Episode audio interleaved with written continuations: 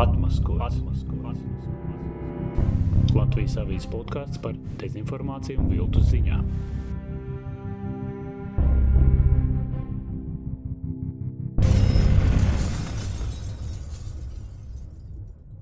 Русофобия как патология. М, Зоологическая русофобия, всякие бандеровцы, прибалты. лет. Далее э, персональная патентованная русофобия. Слой за слоем идет русофобия. А новейшая русофобия – это русофобия вот это вот самое, трансгендерная. Astmas kaut 33. epizode - rusofobija. Tas varētu būt viens no Kremļa propagandā visbiežāk lietotajiem vārdiem. Tikai retais no politikai veltītajiem televīzijas šoviem Krievijā paiet, lai kāds no runātājiem to nepieminētu. Un Katrā ziņā tas ir tas, uz kā tiek būvēta šie propagandas vēstījumi. Kādam mērķim tas kalpo un kā vispār radies šis termins, par to mēs šodien runāsim ar manu kolēģi Latvijas avīžu žurnālistu vēsturnieku Viesturu Sprūdi. Labdien! E, Bet iesaka mums, laikam, vajadzētu mazliet par tādiem aktuālākām tematiem. Nu, šobrīd visas pasaules uzmanības centrā ir Putina intervija. Amerikāņi, es nezinu, kā viņus sauc, žurnālistam, Jā, viņš laikam skaitās brīvais žurnālists šobrīd. brīvam žurnālistam Takaram Karlsonam. Un tur ir daudz komentāru, nu, ir arī karikatūras, mēmēs. Kāda vispār tā secinājuma? Ja runājam tieši no dezinformācijas viedokļa. Es domāju, ka, nu, cik es esmu arī skatījies, uh, ko par to raksta citi, tad uh, jāsaka, ka šoreiz, acīm redzot, Kremlis tomēr nav gluži dabūjis to, ko gribēja šādu vai tādu iemeslu dēļ, bet galvenokārt jau paša intervējumā, respektīvi Putina uzvedības dēļ. Jo visa pasaule redzēja, ka Putins intervijas uztver kā monologus, kurā tas novirzās no tēmas un uz tiešiem jautājumiem atbild ar pusstundu gariem ekskursiem vēsturē. Turklāt pilnīgi šķībiem greiziem, ja, kur pēc tam tiek rakstīti veseli gari raksti, ķidājot, ja, ko viņš ir pateicis nepareizi. Tā kā ir, ir tāds viedoklis, un es domāju, ka tas tā arī varētu būt, ka šī intervija patiesībā ir bijusi Putinam antireklāma. Kaut kā tas, es, varbūt tas bija iecerēts kaut kā savādāk. Noteikti Tā. kā kurā auditorijā. Jā, bet uh, ir arī šaubas par to, vai Amerikā kāds uh, šo, pirmkārt, vai Amerikā kāds ļoti tajā iedziļināsies šādās. Varbūt varētu būt, ka tas nogurdinās. Jā, Tomēr, uh, jā. Klasiski intervijas, ping-pong intervijas, mēs zinām, jautājums, Tieši atbilde, jautājums, tā. atbilde. Ir, ir jau arī tādi aicinājumi, kad skatīties, nevis klausīties uh, šajās uh, intervijās, teiksim, šajā intervijā, bet gan sekot līdzi, uh, kā saka, Karlsona Takera sejas izteiksmē, kā tā mainās. Ka viņš uz vienu jau, teiksim, uz konkrētiem jautājumiem par Ukrajinu saņem uh, stāstu par uh, Viņš Ju- prasa- Jurikoviču atnākšanu uz Par Krieviju. kuru gadsimtu mē- mēs tagad runājam? Mums Putins saka, 13. I, I beg your pardon. Can you tell us what period? I'm losing track of where in history we are. The, Это the- было, the это- Polish это oppression было of в 13 Ukraine. веке. Это было, It was in the было в 13th century. 14 веке. Ну Вот, а, т- в 13 веке. Это было в 13 веке. Jā, tā, tā kā nu, tas, eh, tā intervija sanākusi tā diezgan groteska. Nu, protams, eh, mm, tur mē, mēs vēl redzēsim, ar ko tas beigsies, bet, bet visdrīzāk es domāju, ka jau pēc nedēļas tas viss būs aizmirsies. Man tāda sajūta ir. Jo nezinu, vai eh, tas rietumu auditorija kaut kādā veidā ietekmēs. eh, Savukārt tas, ko Krievijas auditorija par to domā, tas mums laikam maz interesē. Šeit. Jā, es, es pamanīju, ka ir ļoti liela vēlme lietot attiecībā uz Takaru Karlsonu šo apzīmējumu noderīgie idioti, kas nu, vēsturiski mēs zinām izcelsmi. Jā, te, un te ir jautājums, vai Karlsons kungs saprot, ka viņš ir nonācis šādā idiota uh, lomā. Nu, vismaz skatoties, cik es esmu redzējis, atsevišķus gabaliņus no šīs intervijas, šķiet, ka viņš to tomēr ir sapratis. Jo, jo laikam tas tomēr nebija tas, ko viņš bija gaidījis. Viņš ir pieredzējis pie pavisam citiem formātiem, pavisam citām, tiešām, kā tu teici, ping-pong formāta uh, intervijām, bet šeit tu vienkārši sēdi un uh, māji ar galvu. Jā. Man šķita, ka varbūt, nu, varbūt ka tas ir pārspīlējums, jo nu, tā. Mēs zinām, protams, jā, ka vēsturiski tas nozīmē. Tas nozīmē tādi padomju laikā, padomju savienības apjūsmotāji, kas paši nav redzējuši šo padomju savienību savām acīm, skatījušies no tāluma un iespaidojuši, radījuši sev kaut kādu tēlu un jūsmu. Un viņi patiesībā ir apmuļķoti. No mūsdienās diez vai kāds ir tik pietiekami ap, var apmuļķot sevi, būt tik naivs, lai nesaprastu, ko Krievija dara. Un, un, un, šeit man likās, ka varbūt ka viņu drīzāk attiecinām pusi no šī, no šī apzīmējuma noderīgi. Idiotu paņemsim tikai noderīgi, bet viņš saprot, ko viņš dara, un viņš izpilda vienkārši savu lomu. Bet tad tie- tieši tā kā tu teici, es sāku skatīties to interviju, un tas viņa se- izteiksmes, kā, kā, kā, ka cilvēks nu, ir jūtami pārsteigts. Ir tīpaši bija labs tas moments, kur Putins lūdza atnest to mapīti. un Viņš Jā, pat jā, tā kā jā. rokām sāk vicināties, nevajag, nevajag. Laikam nesaprata, kas tūlīt tālāk notiks, vai nebūs kaut kas slikts. Чтобы э, вы не думали, что я что-то придумал, Дима. So that you don't think that I'm inventing things,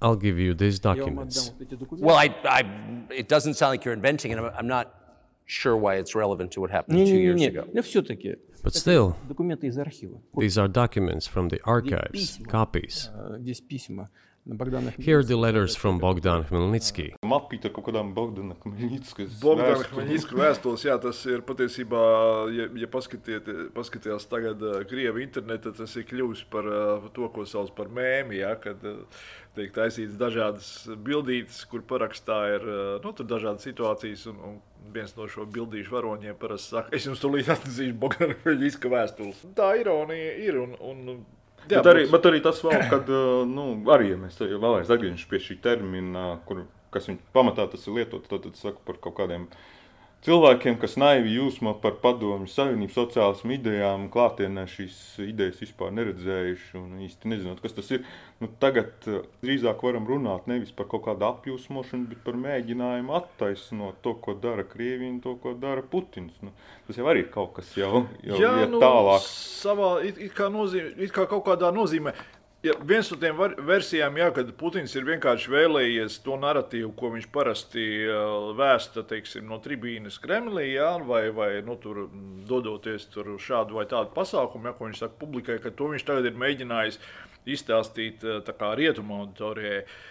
Bet uh, nu, tajā pašā laikā, nu, ja rietumu auditorija redz visu šī vēstījuma absurdumu, ja, un, un, un ja patiešām, ja, ja Putins var pateikt, ka Zelenska tēvs kaunētos par savu dēlu, jo Zelenska tēvs taču ir cīnījies pret fašismu, jo Zelenska tēvs ir dzimis 1947. gadā. Ja, Ko principā, nu, ja kāds grib pārbaudīt, eh, nu, iespējams, ka daudz nepārbaudīs, bet nu, kaut ko tādas loģiskas, nu, pat. Nu, Uh, Tāda viena, viena atklāta dezinformācija. Jā, jā, vai nu- arī Putinam nepareizā mapīte atnesta. Vai arī Putinam bija, Jo viņam tās mapīte. mapītes varēja redzēt, ka ir nestas, jo daudz ko turklāt viņš zināja, varbūt tādas nianses, kas pat šajā intervijā tā izspruka cauri. Viens bija no tas, ka Takers Karsons ir iepriekš mēģinājis eh, pieteikties darbā CIPTA, nu, tātad Centrāla izlūkošanas pārvalde amerikāņu pēcdienestā. При, при поддержке ЦРУ, конечно, With the backing of CIA, of course. которые, как я понимаю, The organization you wanted to join back in the day, as I understand.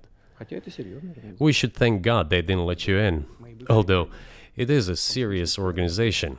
I understand. Tas bija tā kā tāds nu, uzbrauciens, ka Jā, mēs nu, zinām, ir- ka jūs to darījāt. ir- ir Mēs jau- visu zinām par jums. Ir jau arī, saka, arī tādas versijas, ka Takaris Kalsons pats ir cipa aģents, kurš ir speciāli iesūtīts intervēt Putinu, lai parādītu, kāds Jā, viņš nu, ir. tajās sazvērstību Nu, teorijās, jā, nu, protams, var ir- iet, iet ir ļoti, ļoti tālu. Tas, kas man šķita, ka nu, varbūt kad šajā gadījumā, ja mēs lietojam tos terminus kaut kādus, tad varbūt ka vietā ir tas vā, vācu bieži lietotais termins Putina sapratējs vai Krievijas sapratē- sapratējs. Putina verstēr. Nu, Jā, jā. tas, nu, Tu viņš kā teikt, ka viņš saprot, ka. Putins, nu, tas nav labi, ko Putins dara, bet viņš mēģina saprast Putinu. Nu, Nu, bet šajā intervijā nebija ko saprast. cenšas saprast Un- ar šiem jautājumiem, un- saviem, kuriem īsti netiek atbildēts. Arī es, es arī principā piekrītu tiem, kas saka, ka te parādījās tā, tā situācija, ka Putinam pašam, teiksim, savā mājās eh, neviens neaizrāda. Viņš principā var runāt, eh, ko viņš grib, un tas, ko viņš pasakā, tā ir patiesība. Nu, pēdiņās, protams, tā ir patiesība. Jā, viņš saka, mums, saka, vai mums būs kaut kāds šausmas vai nopietna saruna. Jā. Ja nopietna saruna, nu tad es jā, tagad jā. sākšu. Are we having a talk show or a serious conversation? Here's the quote. Thank you. It's a formidable series. serious так- так вот, это- да, это серьезный разговор. Но поскольку у вас базовое образование... Because your basic education is in history, as far as I understand. Yes. Я- Тогда я позволю себе... So, if you don't mind, I will take only 30 seconds or one minute to give you a short reference to history for giving you a little historical background. Please. Respektīvi, viss, eh, kas nāk pār viņa lūpām, ir eh, automātiski a priori patiesība. Un, un, un tas arī zināmā mērā parādījās, ka viņš nav pieredzējis, ka kāds viņu pārtrauc, ka kāds saka, pagaidi, pagaidi. Paga. Eh, varbūt ir tomēr tā. Nē, viņš, viņš, viņš vienkārši vēsta savu vēstījumu, lai kas tas arī nebūtu, un uzskata, ka arī citi uzskatīs, ka tā ir vistīrākā patiesība. Nu, man ir dziļas šaubas par to. Es tev kaut kur skatījos to interviju, nu, klausījos, viņi bija apmēram divas stundas un piecas minūtes. Ļoti gara. Patiesībā diezgan nogurdinoši pat tiem, kas interesējas par kas. Tas ir turklāt izrediģētā veidā. Es pieņemu, ka uh, tas jālais materiāls varbūt par to rediģētos iespējams, jā, jo tur varēja just kaut kādas pauzes, ka kaut kas, kaut kas tā kā pēkšņi pārlec. Nebija ļoti uzkrītoši, bet kaut kur brīžiem bija. Bet es tā paskatījos, kad um, Takers Kalsons pie savas dienas kārtības, kur acīm redzot, viņš bija braucis ar kādu mērķi, šo savu kaut kādu. Iz... Viņš tika tikai apmēram stunda un piektā minūte, kad viņš beidzot sāka varēt, varēja sākt uzdot jautājumus par Putina un Džo Baidena uh, attiecībām, kad jums pēdējo reizi bijusi sāruna un tam līdzīgi, kā, kā tur ASV prezidents. Nu, tā kā parādīt, ka tas ASV prezidents nekam nedara. Jo, nu, mm. Kā mēs zinām, Takers Karlsons ir, kur favorīts viņam ir Trumps un tāds viens no tuvākajiem cilvēkiem viņš ir Trumpam. Ir pat versija, ka viņš tur, ka Trumps viņu ievēlēšanas gadījumā varētu izvirzīt par viceprezidentu, nu, kas pagaidām ir tādas baumas. Bet eh, tas, cik tas nopietni? Uh, ir jau arī, ja mēs par versijām, mēs daudzās versijas eh, pieminam, bet, bet jā, tad jāpiemina vēl viena versija, ka šis brauciens, kā, kā intervēt Putinu, ir bijis tikai tāds, zināmā mērā, tāds nu, blakus uzdevums vai, vai dūma aizsaks. Jo patiesībā Karlsons, būdams uh, Trumpa viena no uzticības personībām, nu, kā vismaz tiek uzskatīts, uh, ir nodevis Putinam kaut kādu vēstījumu. Jā, jautājums, vai, vai Putinam īpaši šīs vēstis no kāda ir vajadzīgas? Un...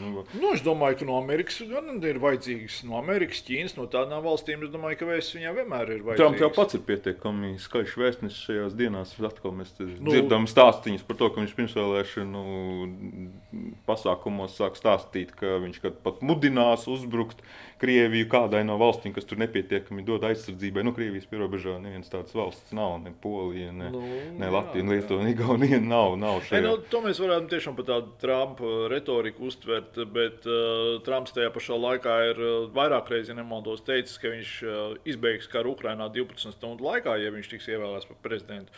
Nu, tad, uh, lai ko Trumps arī nerunātu, nu, tomēr tas Nu, Iespējams, kaut kāds sagatavošanās process notiek. Bet nu, tās ir tādas sazvērstības teorijas, kuras, par kurām mēs varam runāt, bet kurām nav nekāda pierādījuma publiski.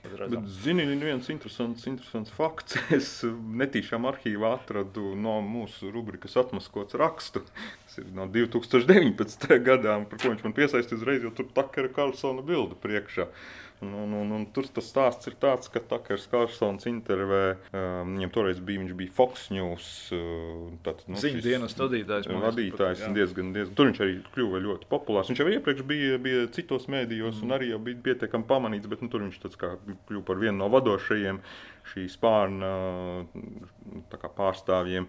Un bija viņam savs Tucker Carlson Tonight šovs, kur viņš intervē diezgan nopietnas amatpersonas, un tāds Baraka Obamas bijušais padomnieks Deivids Tafuri pie viņa viesojās, un tad Carlsons viņam tiešā tekstā jautāja, vai, vai mums tur jāsāk kodolkarš kaut kādas mazu, austrumu Eiropas valstīm dēļ, nu, tur Latvija tika arī nosaukta vārdā. Mm. Nu, apmēram tā, vai NATO jāiz, jāiet palīgā kaut kādām tur austrumu Eiropas valstīm, vai mums tas vispār attiecas. Nu, kā... nu, jā, nu tas, kā jau mēs šeit runājam, tas jau ir tas Trumpa ideja, kad Amerika pāri visam, jā, un tas pārējais nu, pēc, pēc tā, cik nu, paliek pāri naudas un laika. Jā, nu, Bet mēs zinām, ka Trumpa laikā nu, nekas, nekas bija daudz runu. Bet nekādi tādi soļi, kas vājinātu NATO, patiesībā nebija. Ja nerunā par kaut kādu haosa radīšanu, ko viņš arī šobrīd dara. Nu, jā, haosu viņš ir radījis, un to viņš, es domāju, arī turpinās darīt. Bet nu, te mums ir tomēr jāņem vērā, ka starptautiskā situācija Trumpa laikā un tagad bija savādāka. Tā kā nu, ir, grūti, ir ļoti grūti pateikt, un, un Trumps savu vēlētāju, kā zināms, jūt ļoti labi. Viņa vēlētājs ir nu, tāds, kāds viņš ir. Nē, nu ir arī, protams, protams, tas stāsts par to, ka labi, Trumps ir Trumps. Mēs nevaram ielīst galvā Trumpam un saprast, ko viņš darīs. Pat ja viņš vien, ko viņš runā un ko viņš darīs, un vai tas kaut kādā veidā sakritīs un tā, bet no otras puses tas tomēr ir rada kaut kādu nopietnāku sajūtu Eiropā, kur saprot, ka nu, ir variants arī, ka ASV varbūt nebūs vienīgais nu, jā, glābiņš, jā, un mums jā. nevaram gaidīt. Eiropa tomēr ir pietiekami spēcīga pati, lai sevi aizsargātu, un jāsagatavoties arī šādam variantam, ka nevajag tikai gaidīt nu, ASV. Trumps burtiski šodien vai vakar paziņoja, ka tas ir bijis viņš, kas ir sapurinājis uh, NATO un vispār izglābis uh, nu, NATO kā organizācija bezmaz vai ar šiem saviem paziņojumiem par, par to, ka, ja nemaksās, kas nemaksā, tam nebūs ēst, jā, tam nebūs baudīt mūsu aizsardzību. Bet es te arī zinot, ka man būs jānāk šeit un, un jārunājās, es iedomājos tādu drusku tādu vēsturisko līdzību. Nu, mēs tagad šausminamies, nu, kas notiks ar ar, ar šo palīdzības, Ukraiņas palīdzības paketi, jā, vai tā izies uh, ASV kongresam, jo skaidrs, ka no šīs paketes lielā mērā ir atkarīgs uh, tas, cik veiksmīgi Ukraiņa spēj karot.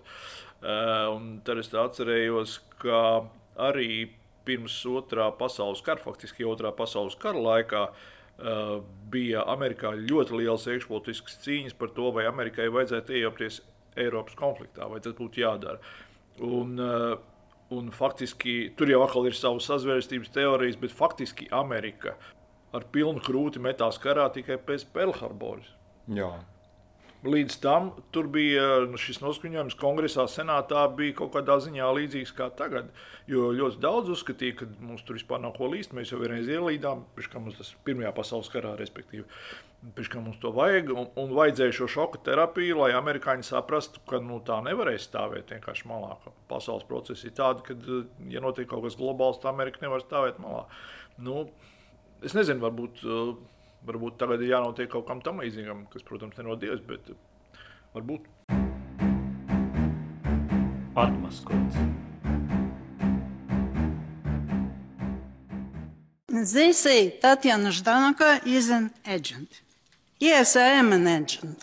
Otra aktuālā tēma, lai gan es varbūt šaubos, vai te ir vietā vārds aktuālā, ja mēs skatāmies no, tieši no Latvijas skat, skatu punkta, nu, tas skandāls ar Tatjanu Ždanoku, Eiropas parlamenta deputāti, izrādās viņa esot Krievijas FSB aģenti. Par ko visiem lieli brīnumi. Nē, nu es, es, es jūtu, ka tas ir sakustinājis nu, nosacīti Eiropas politikas dīķi. Jo nu, tiešām bija, jā, bija jā. arī ziņās, tika Ždanoks vārds piesaukts. Un, Un, un dažādās valodās bija angļu valodā, spāņu valodā. Es dzirdēju, nu, pat tas, atskanēja. Tas, laikam, arī šajā stāstā tiešām ir galvenais, ka tagad arī Briselē ir kaut kāda saprašana nākusi tādā šoka terapijas veidā arī faktiski. Tur bija tas sajūta, ka uh, bija tas iepriekš tas skandāls par korupciju Eiropas parlamentā, jā, jā. kad bija tā viceprezidente no Grieķijas Eva Kaili un tad Kā tiešām viņa varēja ņemt naudu no katras, un, nesaprotot, ka tas ir nu, tā, nu, arī tāda, jā, mēs runājam par kaut kādu naivumu laikmetu, ka nu, nesaprot, kā tās lietas tiek Kā viņa varēja kārtot. būt negodīga, kā viņa varēja būt blēda, jā, nu vai ne, nu, šeit. Un, un te tas, jā, tas jautājums par Ždanaku, viss, man liekas, tik nepārprotam notiek. Vai tiešām bija vajadzīga e-pasta saraksts noplūdus, lai, lai to secinātu? Nu, Te jau tomēr tas viss ir eh, ar, ar atpakaļ ejošu datumu, un visas šīs vēstules, kā es saprotu, ir 5, eh, 6 un laikam pat vēl senākas. Kad viņi vēl neievēroja, patiesībā, kad viņi vēl neievēroja konspirāciju, nu, tas ir jā, vēl jā, diezgan nu... rakstīja brīvi ēpastos. Nu, vēlāk, kad tur Latvijā likums saprot, mainījās jā. krimināla likums, tad sapratu, ka laikam citi kanāli jāizmanto ne tik atklāti. Tieši tā, ir 11 gadi, un, bet nu, tas taču ir skaidrs. Uh, Tas jau nebija nekāds noslēpums, kad uh, viņi saņem naudu no Krievijas noteiktu mērķu īstenošanai. Nu, vai tā nauda nāca caur FSB, vai nezinu, caur Maskavas pašvaldību, vai caur kādu citu kanālu, tam jau nav tik liela nozīme. Bet tas, ka viņi ņēma naudu no Krievijas un tas, ka Tolaik viņas, viņas līdznieku šeit arī Latvijā organizētās akcijas tika finansētas no tās puses. Nu, to jau mēs mums šķiet, tomēr visi zinājām. Katrā ziņā Ždanuka ir aktīvi pildījusi arī Kremļa uzdevumus tādā starptautiskā līmenī. Nu, pirmais, spilgtākais, protams, ir šis brauciens uz Krimu 2014. gada martā, lai tur it kā novērotu nu, referendumu, vēlāk sniegtu intervijas. Nu, varat ielikt ķeksīgi. Kā Eiropas, Eiropas parlamenta jā. deputāti, kas saka, ka tur ir viss kārtībā, ka tā, tie Krimas iedzīvotāji tā vēlējās, viņi pauda savu gribu, tur viss bija godīgi un likumīgi un tam līdzīgi. Un, kas varbūt mazliet mazāk jau zināms, varbūt arī piemirsies vairāk, jo tas nav tik bieži atgādināts. Viņi taču brauca arī 2016. gadā uz Sīriju un tikās ar Bašaru Asadu. Tas bija laiks, kad Putins bija izvēlējies iesaistīties šajā Sīrijas konfliktā, jā, tieši jā. ļoti aktīvi Asada pusē. Viņam vajadzēja arī kaut kādu Kremļa propaganda arī vajadzēja stāstu, ka arī Eiropā saprot, ka Asats ir tas vienīgais garants. Eh, Jā, nu, te, te, protams, arī interesanti, kas notiks ar šo dāmu pēc tam, kad eh, beigsies viņas pilnvaru laiks un eh, viņai būs jāatgriežas. Tad vai viņa dzīvos šeit? Kaut gan man ir diezgan grūti iedomāties viņas dzīvi šeit, jā, pēc tā viss, kas notiek. Un, uh, Un, eh, vai arī pārcelsies kā daudz viņas līdznieki uz Plaskavu vai Kaļiņģeradu? Nē, nu, viņa ir viens, viens, viens viņas partneris. Uh, Eiropas parlamentā, kurš ļoti nepārprotami aizbēga uz Maskavu un tagad darbojas nu, ar Andrēs Mamikinu. Jā, jā, jā, tieši tā. tā es domāju, ka principā šis ceļš būtu iezīmēts, bet nu, savā ziņā es domāju, ka tagad, jā, jo valsts drošības dienas arī kaut kur savā paziņojumā bija norādījis, ka viens no iemesliem, kāpēc nevarēja vērsties, bija šī Eiropas parlamenta deputāta imunitāte, kas ir daudz nopietnāka nekā mūsu pašu saimnes, piemēram, deputāta imunitāte, kur var viens balsojums un izdot. Un Eiropas parlamentā tur ir jāaiziet komisijas un tam mm -hmm. līdzīgi. Un, un saprot, ka viņi nebija gatavi ar to ķēpāties. Un, un tas arī bija otrs iemesls, ne tikai tas, ka tur likumā kaut kas nebija krimināla likumā.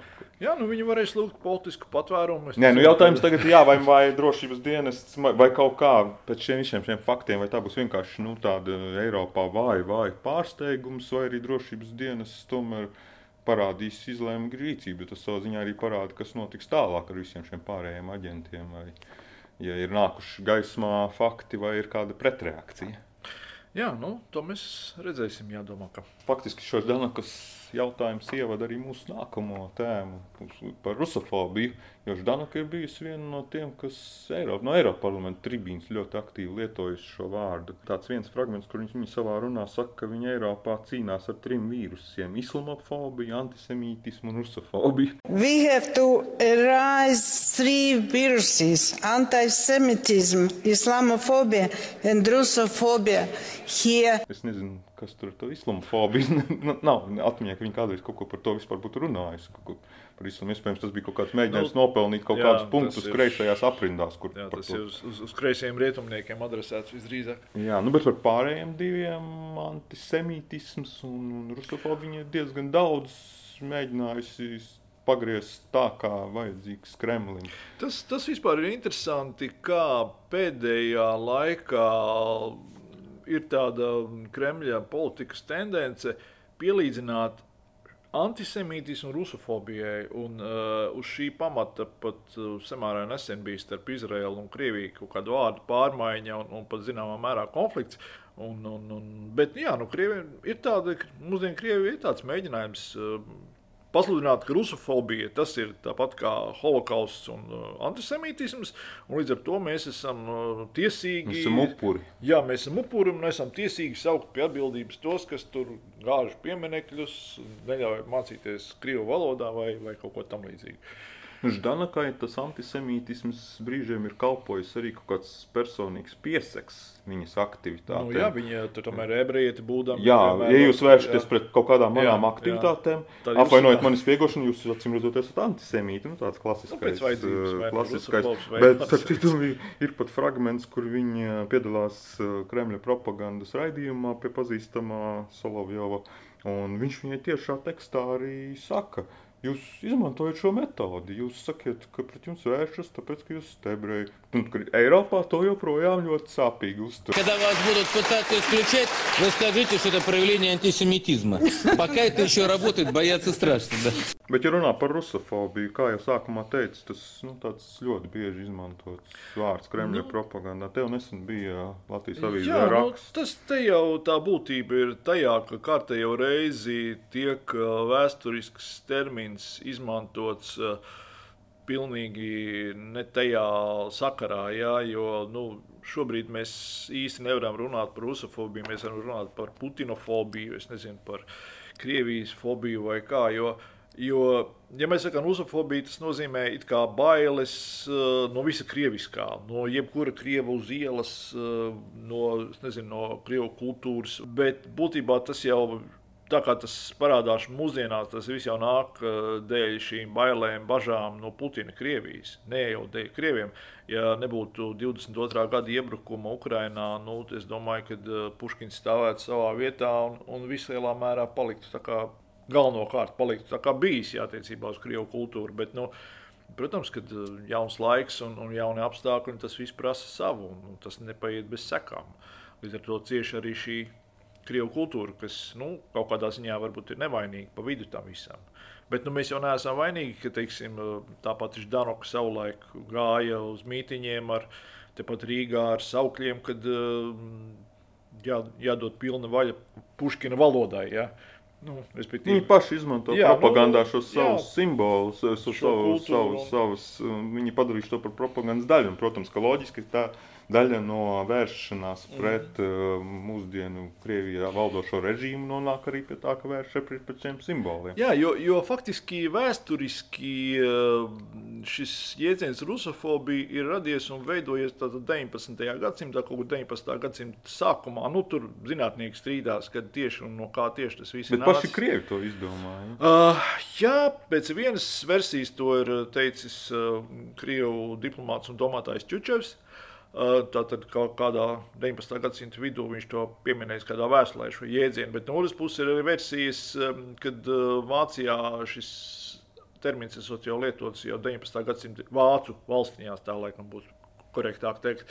19. gadsimta 30. gados. Bet galvenokārt šis rusofobija 19. gadsimtā tika saprasta tādā kontekstā kā bailes no Krievijas uzbrukuma. Te mums jāatcerās arī tāda lieta, ka īpaši 19. gadsimta vidū Krievijas un Krievu tēls bija negatīvs saistībā ar uh, caru Nikolai I, ko bieži vien min kā Eiropas žandarmu, kurš bija gatavs sūtīt karaspēku uh, Eiropā pie katras revolūcijas gadījuma, kurš uh, apspieda poļu sacelšanos kurš uh, apspieda revolūciju Ungārijā 1848. gadā. Poļu sacelšanās bija 1831. un pēc tam 60. gados, bet tur jau cits cers. Kurš uh, bijis gatavs uh, pat 1803. gadā, ja nemaldos, sūtīt armiju uz Beļģiju. Tad, kad Beļģijā bija revolūcija un, un Beļģija pasludināja neatkarību, tad viņš bija gatavs Eiropas žandarmas būdams sūtīt karaspēku, lai tas tur ievieš kārtību.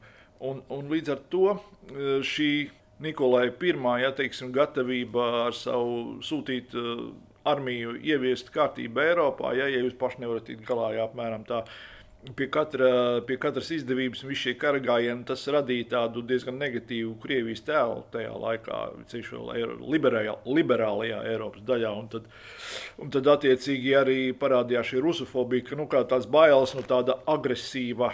Nu, tāda agresīva, liela spēka, ja, nu, nu, tādā veidā. Bet tā toreiz nebija. Tas nebija nekādas vairīšanās no jebkura krieva vai bailes no Krievijas kultūras. Tas bija tieši no bailes no iebrukuma. Es tagad saprotu, ka Krievija ir nolēmusi ierakstīt kriminālu likumā, Jā. ka rusofobiem draudz sodi. Mēs jau te sākam runāt, ka, kas tas vispār tas termins, kā, kā tu vispār pateiksi, kurš ir rusofobs. Es saprotu, ka viņiem ar šo jautājumu bija diezgan liels problēmas, jo, nu, jo vismaz gadu, ja ne divus, uh, Krievijas valsts domas un, un, un un citu institūciju gaitiņos tā ideja ir, ka to vajadzētu ieviest eh, krimināla kodeksā Krievijas jā, kā sodām padarīšanu, bet eh, tieši tā, eh, kā mēs noteiksim, kas ir rusofobs. Mm -hmm. Jo tādas īstas definīcijas nav. Pērn Krievijas televīzijas Resīva 24 bija izlaidusi filmu Rusofobijas vīrus. Tas tāds kopsavilkums, un, no kura tu saproti, kādā tik kontekstā šo vārdu, šo apzīmējumu nevar izmantot. Откуда исходит русофобия в целом? Исходит э, от англосаксов. Не первый год продолжается полномасштабная информационная война, цель которой – заразить мир ненавистью к России и всему русскому. Главным очагом, где искусственно создавался и взращивался вирус русофобии, на протяжении последних лет была Украина. Такой же путь в недавнем прошлом прошли Литва, Латвия, Эстония. Они уже давно живут в перевернутой реальности, где советские воины-освободители – захватчики, оккупанты. Цель Запада – дойти до российских границ. Цель Запада – обрушить русское государство и завладеть дешевым или бесплатным сырьем, которое принадлежит России. Мы уже выставили в 1812 году, когда Великая Армия дву- на 10 языках к нам вторглась. В главе с Наполеоном мы выставили в 1941 году, когда опять-таки вся Европа под гитлеровскими знаменами со свастикой к нам пришла. Вот сейчас опять знамена со свастикой, опять вся Европа. А просто это под другим соусом подается, мы, безусловно, выставим. Выстоим, мы победим. Sākot ar to, ka rusofobiju radījuši ka tas esot īpaši audzēts tādā laboratorijā. Nu, jā, tas šis jēdziens anglosakšu tas vispār ir interesants, jo tad atkal ir jāvēršas pie vēstures, jo, manuprāt, tādā kontekstā un tādā nozīmē, kā to lieto mūsdienu Krievijā, neviens cits pasaulē tā nerunā, jo anglosakši dzīvoja Lielbritānijas teritorijā 11. gadsimtā un senāk. Jā, Es tā nojaušu, ka viņi ar to saprot amerikāņus un angļus. Tā kā kaut kā savā kopā. Jā, nu, mēs, ne, mēs, protams, ir skaidrs, ko viņi ar to domā. Jā, bet, lai, lai neteiktu angļu valodīgie, viņi varētu teikt arī angļu valodīgie. Principā. Bet... Tad būtu austrālieši arī un Jā. kas tika vēl. Ne? Bet mēs jau nevaram zināt, varbūt ka tas ietilpst tur viņu izpratnē, varbūt Jā. tas ietilpst. Mums šķiet, ka nē. Tā kā, tā kā, bet, bet tādā, tādā versienā, kā viņi to lieto, nu es nezinu, es neesmu sastapies, ka kāds uh, rakstītu, es nezinu, ko tai vācu, vācu avīzēs, kāds lietot vārdu anglosakši mūsdienu nozīmē. Ja pa vēsturi, tad jā, bet, bet ne jau par 21. Nu, jā, un tur tiek doti tādi kā nu, mājiņi, ka nu, viena no šādām laboratorijām, kur tas visaktīvāk darīts, kurš rusofobijas vīrusu audzēts, tas ir Ukraina. Un tas arī bijis kalpojis viss pamats šiem uh, vispirms 2014. gada notikumiem, vēlāk, vēlāk protams, arī 2022. gadam, viss, kas sekojas, nu, ka tas ir tāpēc, ka tas tā bijis. Protams, tur arī ir norāde, bet jau iepriekš tas ir sācies Baltijas valstīs, tur Latvijā. Un... Nu, jā, mēs jau droši vien aizvedām tur tās laboratorijas iekārtas un tur uzstādījām tā. Jā, nu, un tur, tur, protams, arī visi klasiskie, klasiskie mīti un, un, un teorijas, ka patiesībā tas viss ir tā krievu neieredzēšana, tāpēc, ka rietumi gribot iekarot Krieviju un iegūt tās dabas resursus. Jā, nu tas, ir, tas ir tas, kā viņi to redz. Ta, tas, kad, kā mēs tagad principā, jau pamazām sākam redzēt, ka uh, Krievijas resursi mums slāgā nav vajadzīgi, un be- mēs bez tiem arī varam tīri labi iztikt. Nu, jā, tas, es pat pieņemu, ka kaut kādā veidā Krievijas uh, sabiedriskā doma un tīpaši Kremļa saimnieki to vienkārši nespēja pieņemt. Kā jūs varat bez mūsu, bez mūsu gāzes, bez mūsu naftas, nu, kā jūs varat vispār?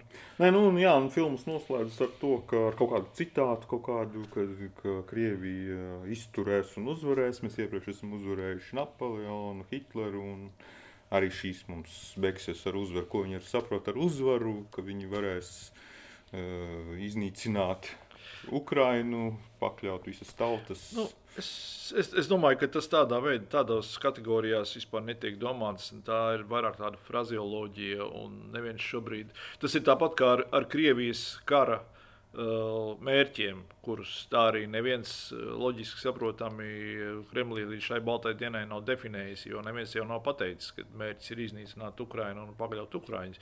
Vienmēr tiek runāts par kaut kādiem. es Nezinu, par denacifikāciju, vai uh, demilitarizāciju. Vai, Nu, vai tagad jau Putins pateica, ka viss meklējiet vēsturē, kaut kādā 13. gadsimtā tos pamatojumu karam. Es tā saprotu, pēc Jā, nu ar es- Karlsona intervijas mums ir vēsturiskais pamatojums, ir galvenais. Jā, nu, kā saka, tur Bogdanas Hmeņģiska vēstulēs tātad meklējiet to, ja tur 17. gadsimtā. Latvijas avīzes žurnālisti Viestures Sprūdi un Māris Antonevičs. Paldies par uzmanību un līdz citai Jā, reizei. paldies, vislabāk. Tu esi atmaskots.